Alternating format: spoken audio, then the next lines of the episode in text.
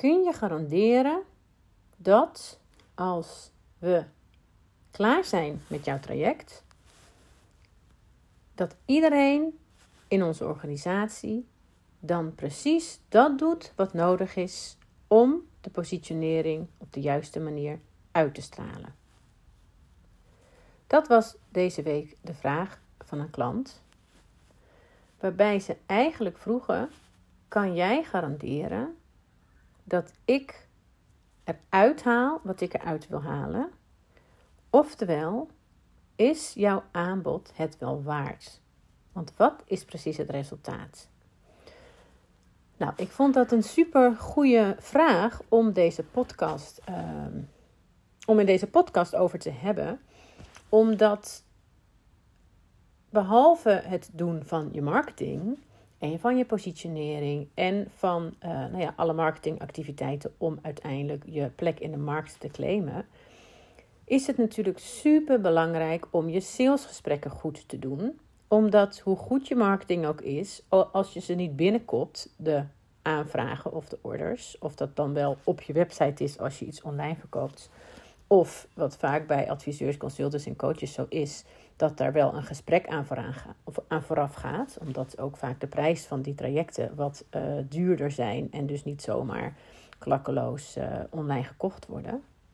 Is het super belangrijk om bepaalde processen in een gesprek, in een salesgesprek, helder te krijgen voor jezelf en te weten wat gebeurt hier eigenlijk. En dat gebeurde dus ook in het gesprek wat ik deze week had. Kun je garanderen dat het, het oplevert wat, dat het wat oplevert en dat het dus een succes is?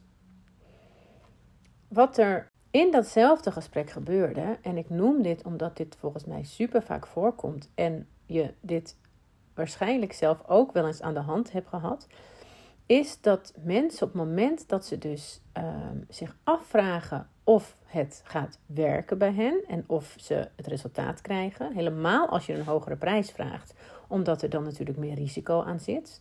Helemaal als het een organisatie is waar niet alleen degene met wie jij aan tafel zit beslist over de investering, maar hij ook een verantwoording moet afleggen aan anderen. Dat was in dit geval ook het geval, dus dat speelde ook enorm mee. Um, is het belangrijk om heel goed in de gaten te houden waar, uh, ja, op wiens schouder de aap zit, zeg maar. En uh, nou, ik ga het. Ik, ik, ik zal toelichten wat ik ermee bedoel, want ik kan me voorstellen dat het nu nog een beetje cryptisch is. Um, hoe kan je nou herkennen dat klanten eigenlijk een bepaalde verantwoordelijkheid van het resultaat bij jou neerleggen in een salesgesprek. Hè, om dat eigenlijk van jou te willen horen, zodat zij voor, hen, voor hun gevoel, uh, en dat is echt puur gevoelsmatig, want je bent nog niet eens aan de slag, dus er is geen bewijs. Het gevoel hebben dat het risico bij jou ligt in plaats van bij hen. En helemaal als je dienstverlening doet, helemaal als je coaching, consultancy doet, uh, advies geeft, dus niet letterlijk producten verkoopt, is dit vaak aan de hand. Want met een fysiek product is het natuurlijk makkelijk. Je koopt een product, je krijgt het thuis, dat is wat je krijgt. Maar hoe groter het advies en hoe breder en hoe meer, uh, hoe meer het vraagt om dat advies te implementeren van de opdrachtgever, hoe vaker dit uh, aan de hand is. En uh, wat daarbij belangrijk is natuurlijk, hè, want je, je hoort natuurlijk ook heel vaak van ja, social proof is belangrijk. Dus je kan natuurlijk voorbeelden gaan noemen van ja, maar die en die organisatie heb ik het ook gedaan. En daar hadden ze deze en deze resultaten. Alleen hierbij geldt, en dat voelt die opdrachtgever of die klant van jou ook mega goed, is dat de voorbeelden van een ander natuurlijk geen garantie geven voor het succes van hem of haar. En dat komt omdat als jij consultant bent of adviseur of een coach, dan ligt, de, uh, ligt het resultaat niet alleen in jouw handen. Het is natuurlijk voor een heel groot deel afhankelijk wat de klant daar uiteindelijk mee doet. En daar zit een heel groot verschil. En als jij in een salesgesprek zit, is het uh, super fijn voor jezelf maar ook voor jouw klant, om heel duidelijk te maken: wat is hier nou eigenlijk aan de hand? Want nou, in dit geval, bij mij, ging het over een positioneringstraject. Waarbij, dat is een MKB-bedrijf, dus zij. Uh, nou, wat, wat ik dan eh, doe, is dan ga ik met directie en marketing gaan we. Uh, en MT eigenlijk gaan we aan de slag met de positionering van de organisatie. Alleen uiteindelijk, waardoor je dus uiteindelijk weet waar gaan we voor, waar staan we voor. Uh, en dat ook weet te vertalen in de cultuur. Dat, kan ik, dat hele traject kan ik met hen aangaan. Dat kan ik, de kern kan ik naar boven halen. Ik kan het eh, dan super scherp maken. Wat al een hele fijne stap is. Alleen dan ben je er natuurlijk niet. Want voor een positionering, en dat geldt natuurlijk voor heel veel advies, ongeacht wat voor een advies, gaat het pas leven en werken als je het gaat doen.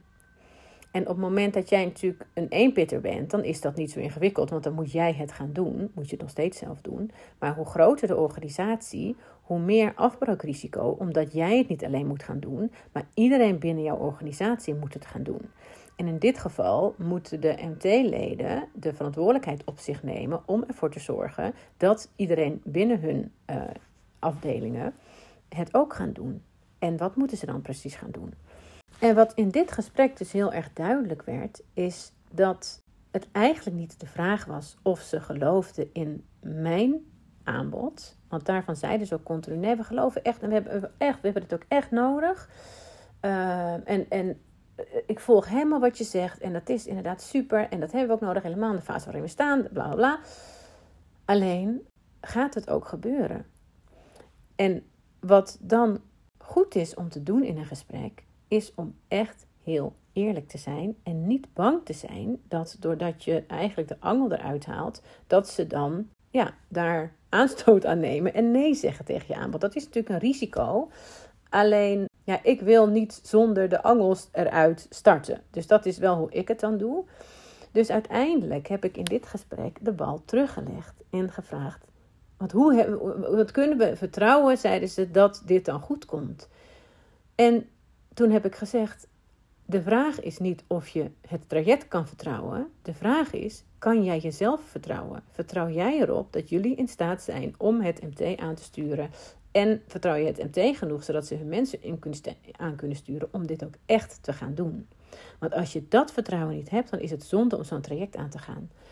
En ik vond het echt een super uh, goed voorbeeld, omdat ik denk dat dat heel vaak voorkomt, helemaal als jij ook adviestrajecten verkoopt, waarbij er echt een rol gevraagd wordt van de mensen om het uiteindelijk te implementeren. En dan nog kan jij natuurlijk een heel traject, vervolgtraject hebben waarin jij hen, waar, waarmee jij hen begeleidt, maar dan nog moeten ze het zelf doen. En daarom is het ook zo dat de garanties van een ander gewoon of de, de resultaten van een ander geen garantie zijn voor hen, omdat het ligt er maar aan wat zij ermee doen. Wanneer weet je nou als een klant met wie, of een potentiële klant met wie je aan tafel zit, deze kant op gaat? Dus dat er ergens nog vertrouwen mist in wie dan ook, hè, dan lijkt het, want dan proberen ze de aap op jouw mouw te spelden, zeg maar. Of hoe zeg je dat? Maar uh, proberen ze het bij jou te leggen. Hoe kan jij het garanderen? En, en helemaal in de advieswereld zou ik zeggen: leg de aap terug. Want het is natuurlijk super belangrijk dat ze hun eigen rol daarin serieus nemen. En je hebt hen ook echt nodig om van jouw traject een succes te maken. Nou, even terug. Wanneer merk je dat nou?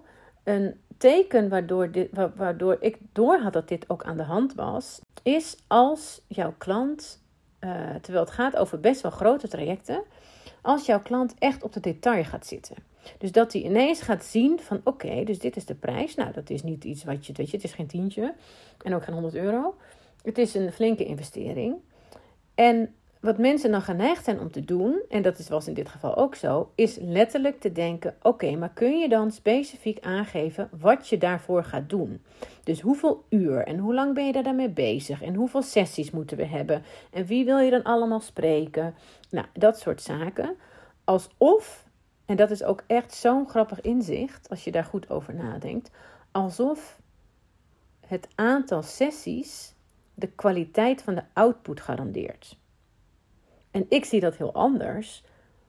op het moment dat ik in staat ben in twee sessies de kern uit die organisatie te krijgen, echt de kern, de, de, en de angels en uiteindelijk van de, en, en de kracht van de organisatie en dat tot een bal kan vormen, wat ik in positionering giet, zodat die gaat rollen.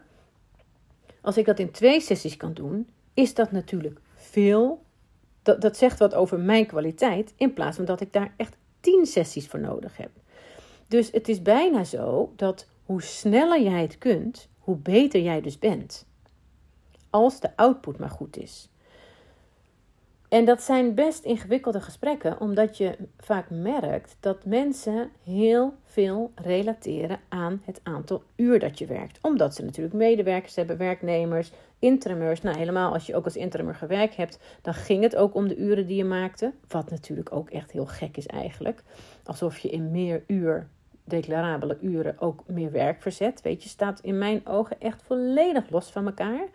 Alleen, het is dan wel goed en dat is ook wel spannend om dat heel duidelijk aan te geven.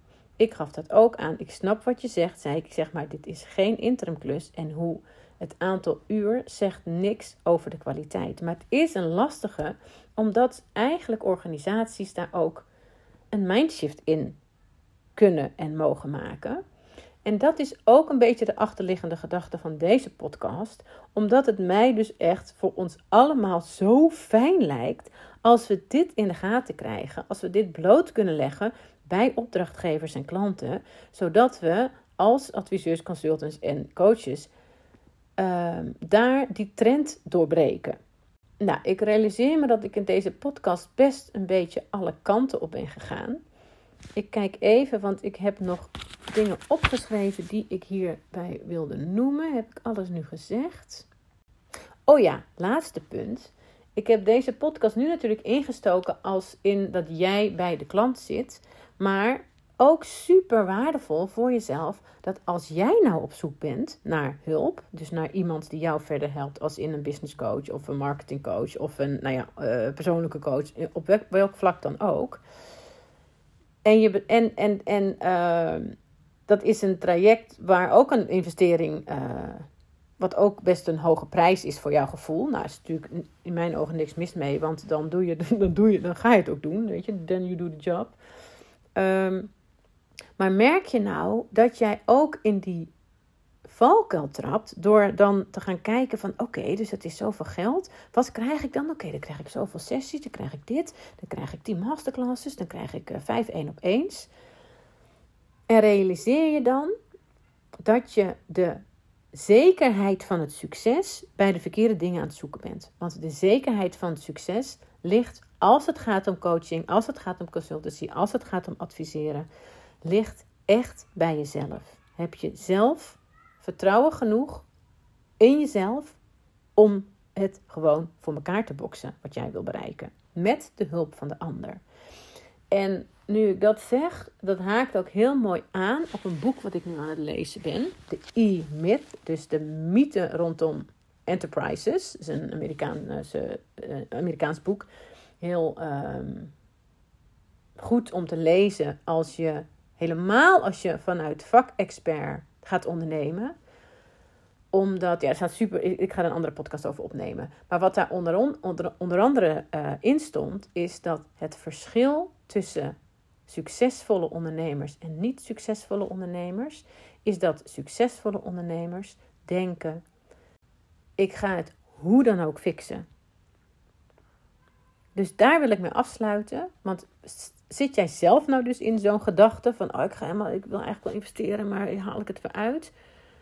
Hoe ga ik het fixen? Ik ga het hoe, niet hoe ga ik het fixen, gaat het lukken, maar ik ga het hoe dan ook zorgen dat het gaat slagen. Uiteindelijk ligt het bij jou. En dat geldt dus ook voor jouw klant. Uiteindelijk ligt het bij de klant.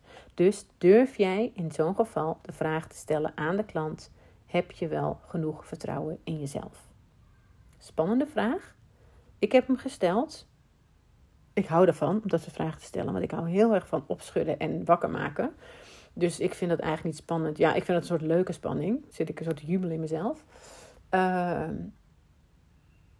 wil je een keer met me sparren hierover? Of heb je een vraag? Heb je een opmerking? Heb je iets gehad aan deze podcast? Uh, laat het me gerust weten via een DM op Instagram, Justina van der Velden. Super tof om je te spreken. Ik ben benieuwd waar jij staat met je onderneming en wat jouw uitdagingen zijn. En voor nu, fijne dag en tot de volgende podcast.